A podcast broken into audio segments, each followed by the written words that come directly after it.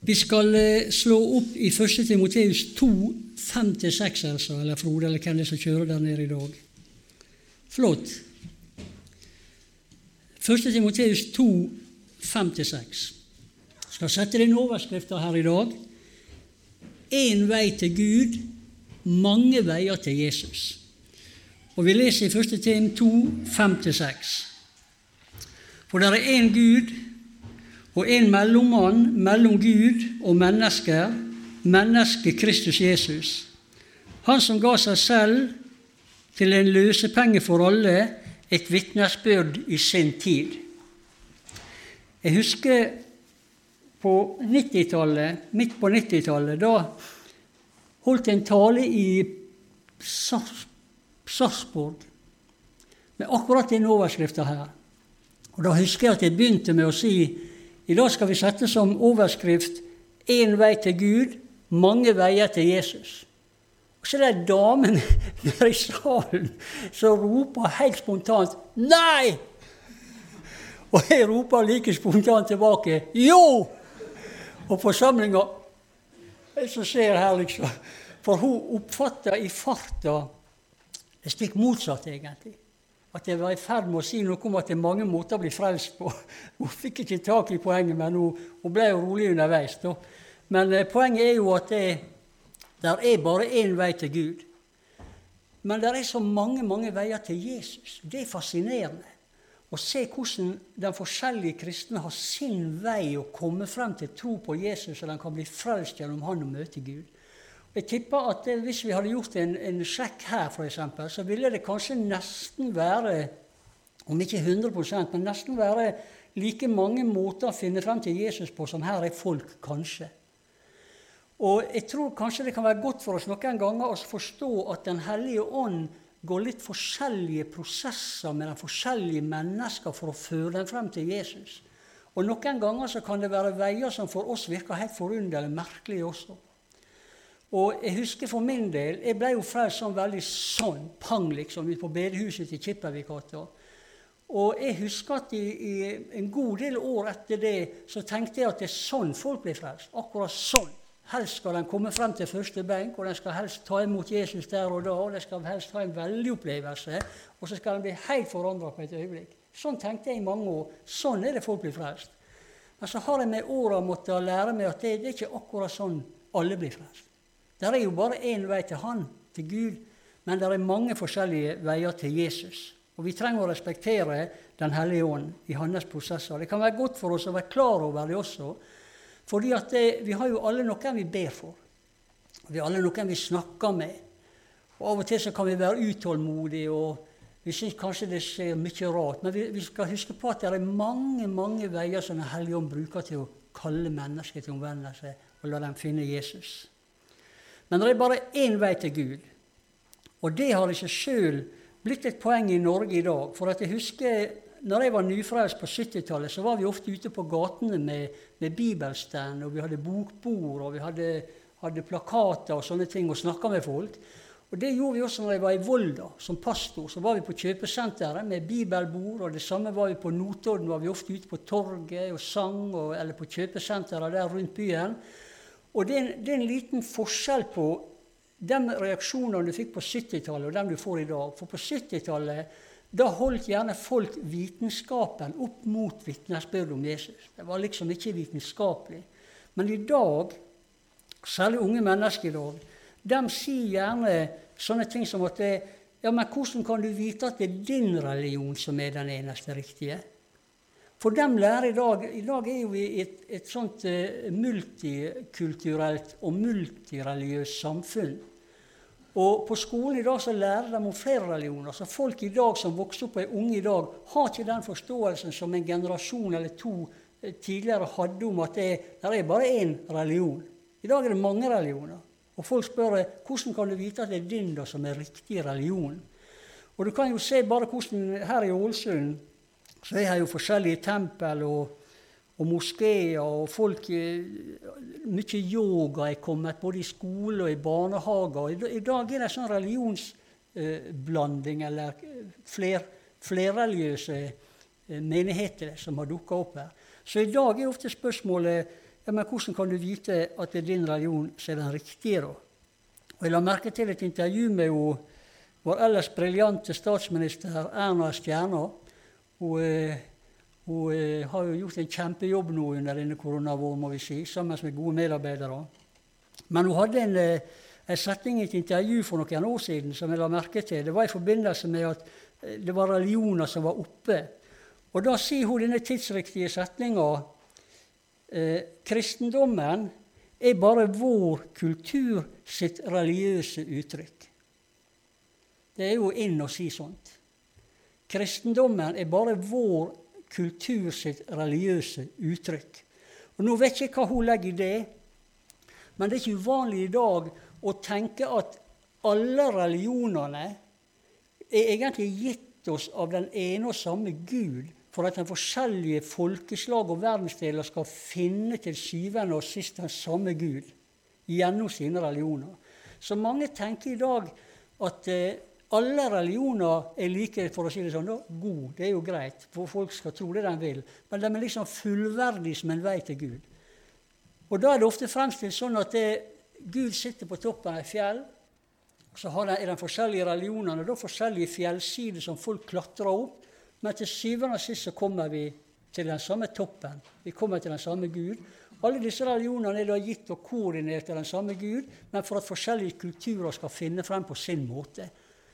Og Da er, det, da er tanken at, at, kristendommen er ei side av fjellet, som vi klatrer på.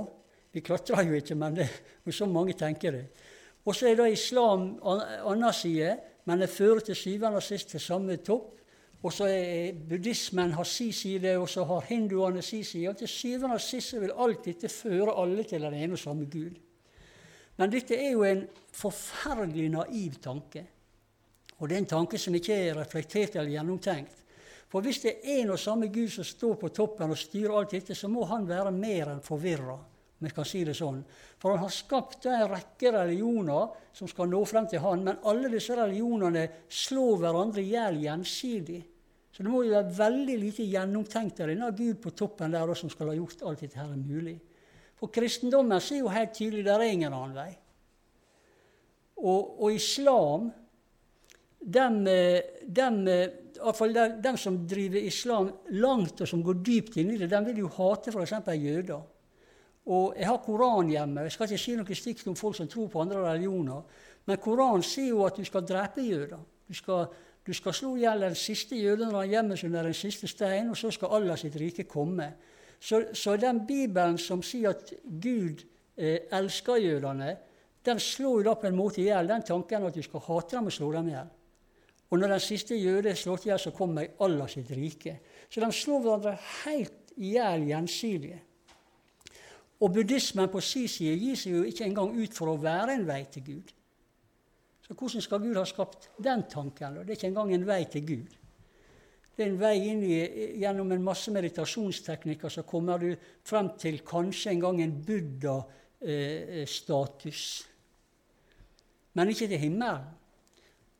Og hinduene på sin si side har jo mange, mange, mange guder. Det er snakk om flere millioner, visstnok. Og de gir seg heller ikke ut for å være en vei til Gud, men en måte å kanskje nå frem langt om lenge til et slags nirvana, som heller ikke er et uttrykk for himmelen, men det er også en tilstand. Så hvis en og samme Gud skulle stå bak alt dette, så må han være mer enn forvirra. Det lar seg bare ikke gjøre. Jeg tror dette er bare en måte å holde kallet unna på. En måte å la være å ta stilling. Slippe å ta stilling. Det er like bra alt sammen, samme hva vi tror. Men sånn er det ikke. Vi vet at det er bare én vei, og den er gitt oss i Bibelen. Og En av grunnene til at vi vet det, det er jo Bibelen sier det selvfølgelig, og vi aksepterer det. Men det er også dette her vitnesbyrdet som, som romerbrevet kaller sånn som at eh, Ånden selv vitner med vår ånd at vi har blitt Guds barn. Altså Det skjer et gjenfødelsens under som skaper en forvandling fra innsida, og så bare vet du wow, fred med Gud er fantastisk. Så vi tror det fins én vei til Gud, og at det ikke er masse religioner som er gitt oss for å finne og søke den ene samme Gud. Vi tror det fins én vei, og det er også en person. Og Vi skal se litt på bibelverser på det nå under dette punkt to. Så har jeg ett punkt til. Dette er jo kjente ting, men la vi likevel se på bibelversene. 1. Timoteus 2,1, altså. 1. Timoteus 2,1, og så nedover der. Jeg formaner dere altså Ja, det er litt ulik ordlyd, men det er temmelig likt. Jeg formaner altså fremfor alle ting at det gjøres bønner, påkallelse, forbønner, takksigelser for alle mennesker for konger, alle som er i høy verdighet, for at vi kan leve et rolig og stille liv i all Guds frykt og sømmelighet. For dette er godt og tekkelig for Gud vår Frelser, Han som vil at alle mennesker skal bli frelst og komme til sannhetserkjennelse. Og så får vi høre hvordan han har gjort akkurat det. Det er mulig. For det er én Gud og én mellommann mellom Gud og mennesker, mennesket Kristus Jesus. Han som ga seg selv til en løsepenge for alle, et vitnesbyrd i sin tid. Og Så tar vi med Johannes 14, 6, som er like selvfølgelig i denne sammenhengen. Johannes 14, 6. Eh, Jesus sier til han, 'Jeg er veien og sannheten og livet'. Ingen kommer til Faderen uten gjennom meg. Så du ser, Jesus utelukker enhver annen mulighet. Ingen kommer til Faderen uten gjennom meg. Og så er det dette apostelgjerningene fire. Vi kan godt ta med her fra 8 til 13. Jeg har, jeg har en del sånne førstegangsopplevelser. Aller første gangen jeg leste Bibelen, så var det noen bibelvers som bare sakk inn og satte seg fast. Jeg har liksom alltid visst hva de sier, og alltid visst hvor de står. Helt derifra. Og dette er et av disse her som bare gikk rett inn i meg og sa selvfølgelig, sånn må det være. Apostelgjerningene 4, 12. Nei, hva jeg sa Unnskyld. Jeg, jeg, jeg mente Nei, vent, nå har jeg skrevet feil her også. Alt er mulig. Apostelgjerningene Det skal iallfall være 4.12. Der har vi det. Og det er ikke frelse i noen annen, for det er heller ikke noe annet navn under himmelen gitt blant mennesker som vi kan bli frelst ved. Så vi tror at det der er én vei til Gud. Vi tror det er én Gud, og vi tror det er én vei til Gud, og det er gjennom Jesus. Men at vi har våre forskjellige veier til Han. Jeg skal gi deg et par eksempel bare fra Bibelen her. Jeg vet ikke om vi kommer så langt at vi kan lese disse avsnittene. Jo, la vi bare gjøre det, altså. Johannes 1, fra vers 35. Bare la vi se litt på hvordan noen her har sin vei til Jesus. Johannes 1, 35 og utover. Dagen etter sto Johannes der og to av hans disipler. Og Han så Jesus komme gående og sa, 'Se der er Guds lam'. Nå har han nettopp eh, dagen før sagt, 'Se der kommer Guds lam som bærer verdens synd'. Også vi som sitter her. Men så sier han, 'Se der er Guds lam'. Så et vitnesbyrd. Og De to disiplene hørte dette, og de følger etter Jesus. Og Her betyr det fysisk. Vi følger jo han, men disse fulgte han der og da fysisk. Da vendte Jesus seg om og, og så at de fulgte etter ham, og sa til dem, 'Hva søker dere?' De sa, 'Rabbi, det betyr mester, hvor har du ditt herberge?' Han sa, 'Kom og bli med, kom og se.' Da kom de og så hvor han hadde sitt herberge, og de ble, ble, der hos han den dagen. Det var omkring den tiende time, altså litt godt ut på ettermiddagen. Så hadde de vært sammen med Jesus en hel dag her. Eller iallfall bortimot en hel dag ved den eh, tiende time. En av disse to som hørte litt ord av Johannes og fulgte etter, det var Andreas, Simon Peters bror. Han finner først sin bror Simon og sier til ham, 'Vi har funnet Messias', dvs. Si Kristus. Og han førte han til Jesus. Og Jesus så på han og sa, 'Du er Simon Johannes' sønn. Du skal heretter hete Kefas', som er, som er utlagt Peter. Klippen skal det visst bety. Eller en, kanskje en del av en klippe. Det er vanskelig å si eksakt. Dagen etter ville han dra videre eh, fra Galilea. Og da traff han Philip. Og Jesus sier til ham, 'Følg med'. Og Philip var fra Betzaida, samme byen som Andreas og Peter. Så disse var sikkert venner. Det var knøttsmå forhold i disse byene. Philip finner så Natanael og sier til han, han som Moses har skrevet om i loven og profetene, han har vi funnet Jesus Josefs sønn, sier han. Han er ikke helt teologisk ferdig her, skjønner vi. For Jesus har jo vel aldri vært Josefs sønn.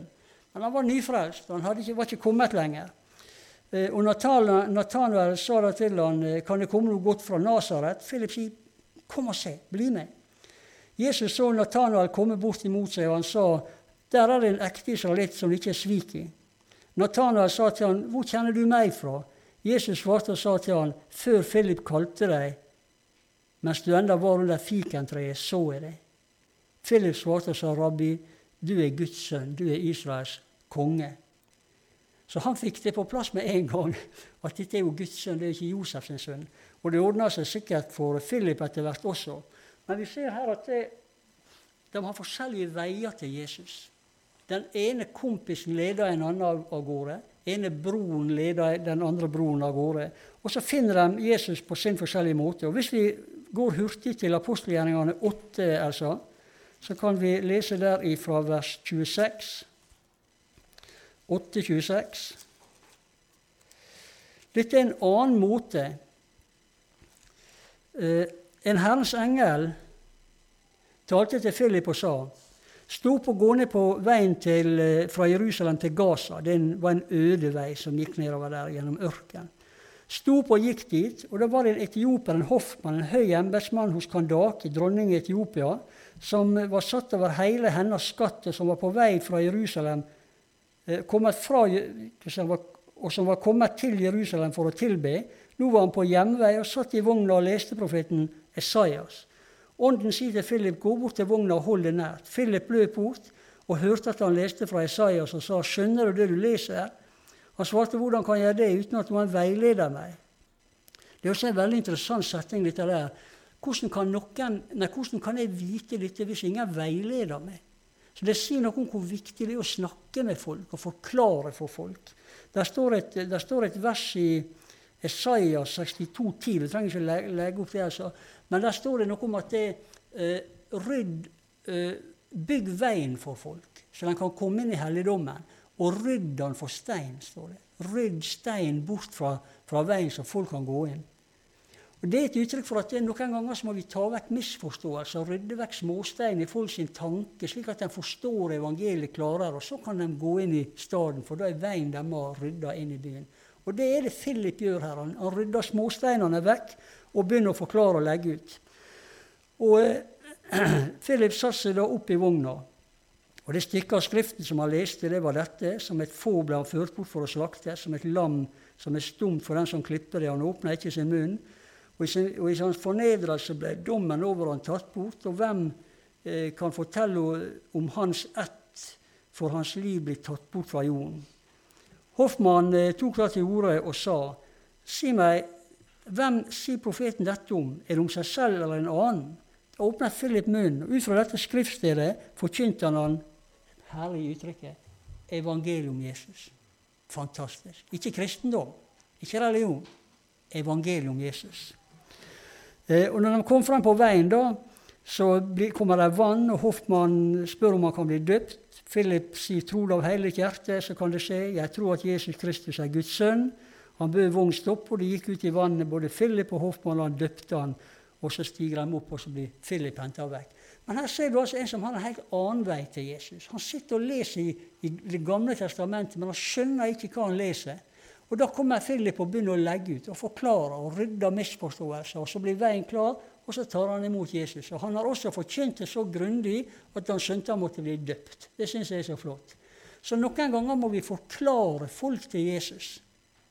Og så kan de komme til Gud. Og til, Et avsnitt til her i apostelgjerningene 9.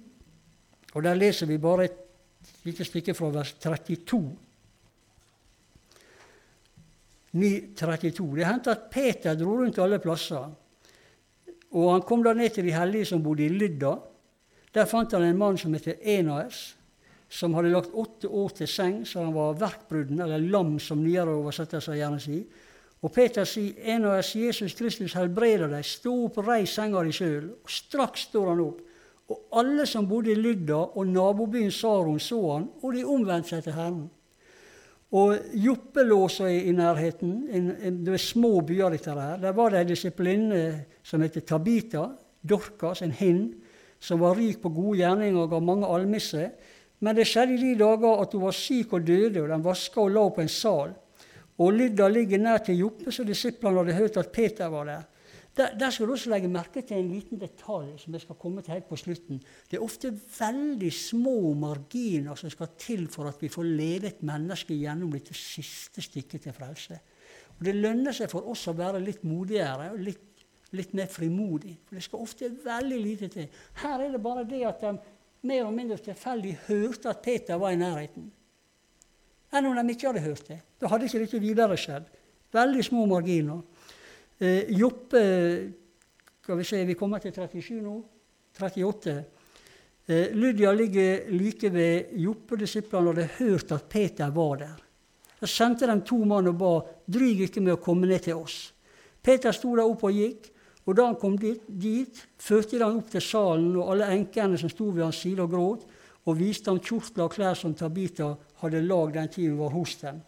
Peter bød dem da gå ut, falt på kne og ba, han vendte seg til liket og sa, Tabita, stå opp. Hun slår opp øynene, ser Peter og setter seg opp. Han rakk ut hånda, røyste opp, og så kalte han den hellige enken inn igjen og stilte henne levende frem. Dette ble klart for hele Joppe, og mange kom til troen på Herren. Og Deretter ble han i lengre tid Joppe hos en mann ved, eh, som heter Simon ved, ved havet, en garve, som han da også fikk dette synet med himmelen som åpna seg, duken, og så ble, leder det han videre og videre utover hele tida. Men her ser vi også hvordan mange mange mennesker, altså tre byer, blir berørt av tegn og under og mirakelgjerninger. Og det ble på en måte demmervei til Jesus.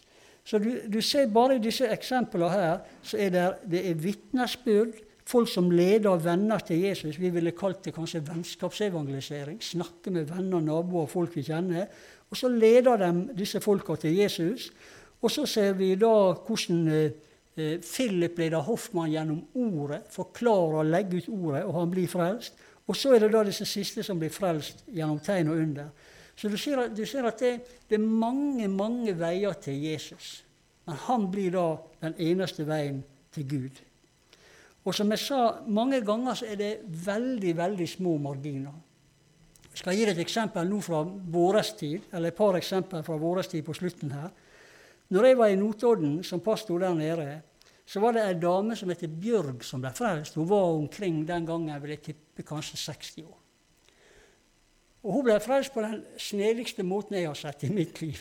For vi hadde en svær vekkelseskampanje oppe på en uh, idrettshall og på Skogen, som det heter, litt over Notodden der. Og Alle menighetene i byen gikk sammen, og hele Heddalen gikk sammen. En rekke menigheter, og inviterte folk fra hele Dalfjord oppover og fra byen. Masse folk kom og hørte. og Vi hadde en evangelist der som prekte evangeliet. Og hun Bjørg hun var uten at noen visste det, og det er også litt spesielt. Hun var kalt av Gud i mange år. Men hun visste ikke hva hun skulle gjøre med det. Hun kjente ingen å snakke med. Underlig. Hvor mange mennesker rundt oss kan være kalt av Gud? Vi vet ikke om det engang. Men hun bør være kalt av Gud i mange år. Og så var det da en venninne som sa vi skal ha møte på skogen. Skal du være med på, på, opp i hallen? Ja da, hun skulle være med i hallen. Og Møtet går, og blir, kallet blir sterkere og sterkere. På slutten av, av uka så, så, er det en bydels igjen. Og da er hun Bjørg så kaldt og så forvirra og så usikker at hun vet nesten ikke hva hun gjør. For hun røyser seg da opp og går ut av hun satt sånn som her, går ut av stolrada si.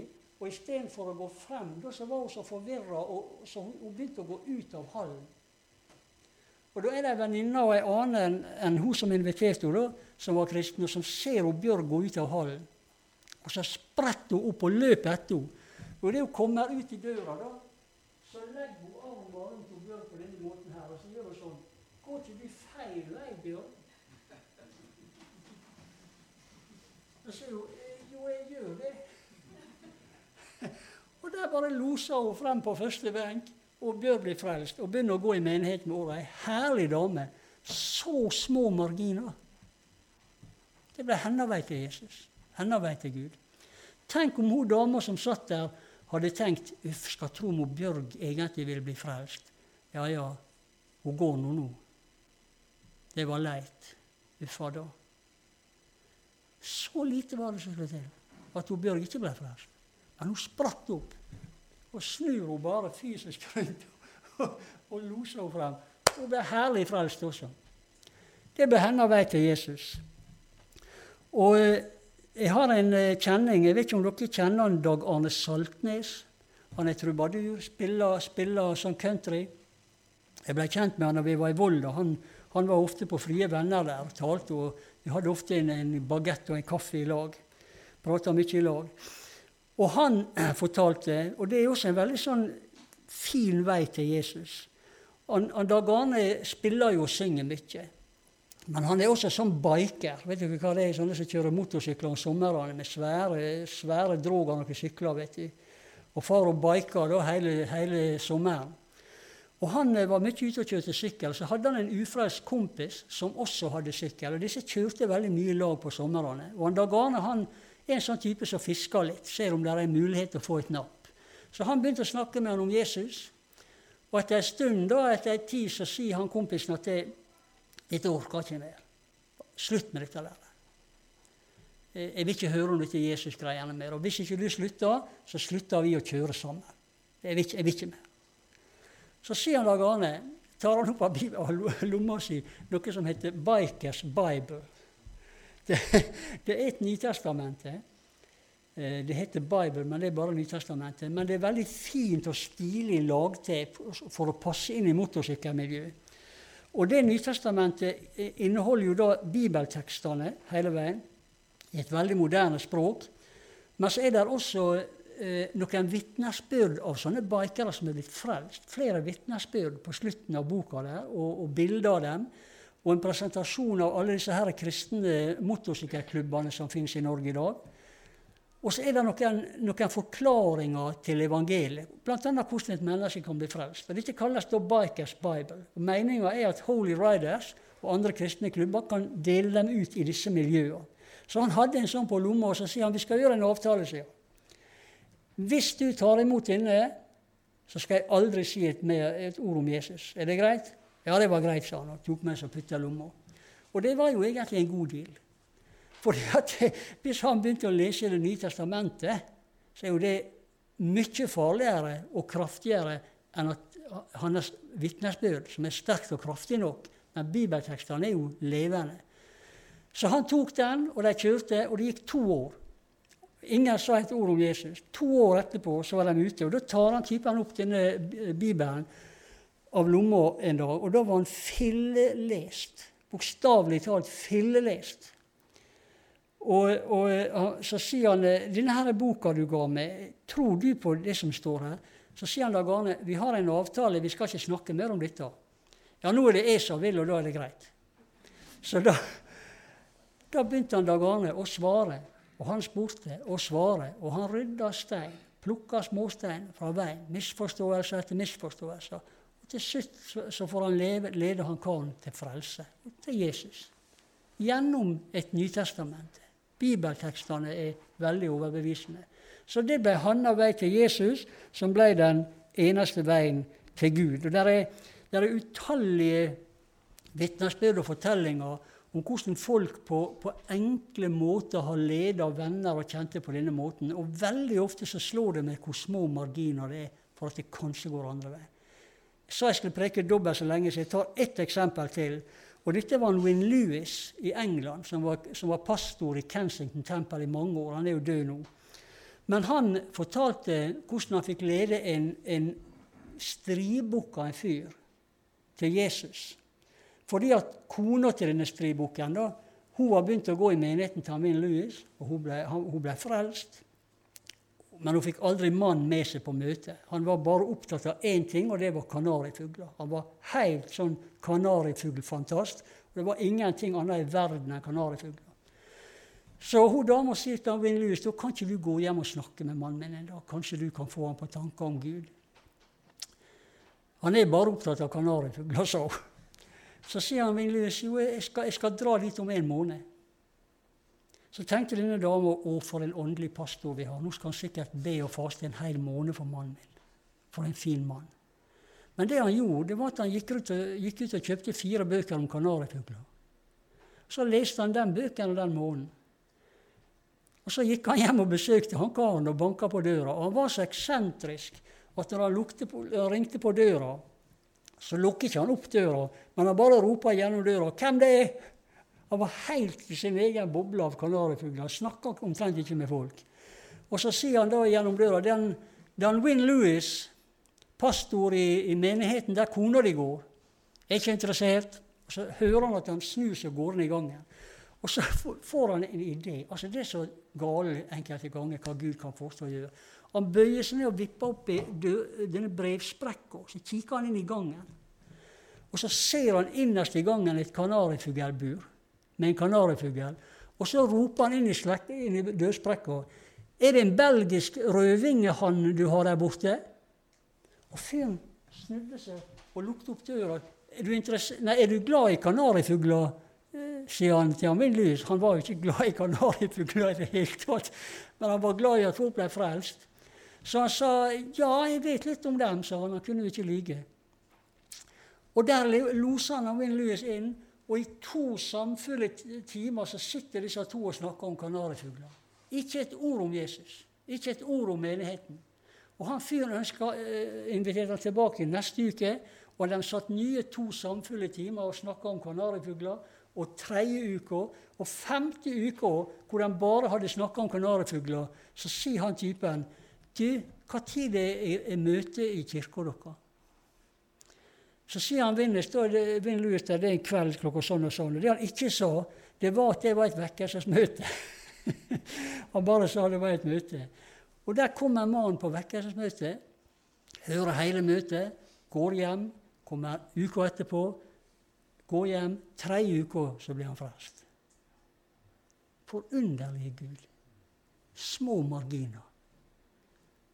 Jeg holdt nesten på å si tenk om han ikke hadde kjøpt disse bøkene om kanarifugler. Tenk om ikke han hadde fått den tanken. Hadde han noensinne fått lederen til frelse? Vi aner ikke det. Men det er små marginer. Og jeg tenker, la vi være litt mer frimodige, litt mer på, så kan det hende vi får lede flere mennesker også til Jesus. Det er én vei til Gud, men det er mange, mange veier til Jesus. Amen. Da ber vi litt. Herre, vi priser deg, Jesus, du som er navnet over alle navn. Du som vi synger om, Herre, og som vi tilber, og som vi preker om, Herre. Du som har blitt frelser og konge og herre i livet vårt. Vi tilber det fantastiske Jesus. Takk at vi får tilhøre det, Herre. Du har gitt oss et nytt liv.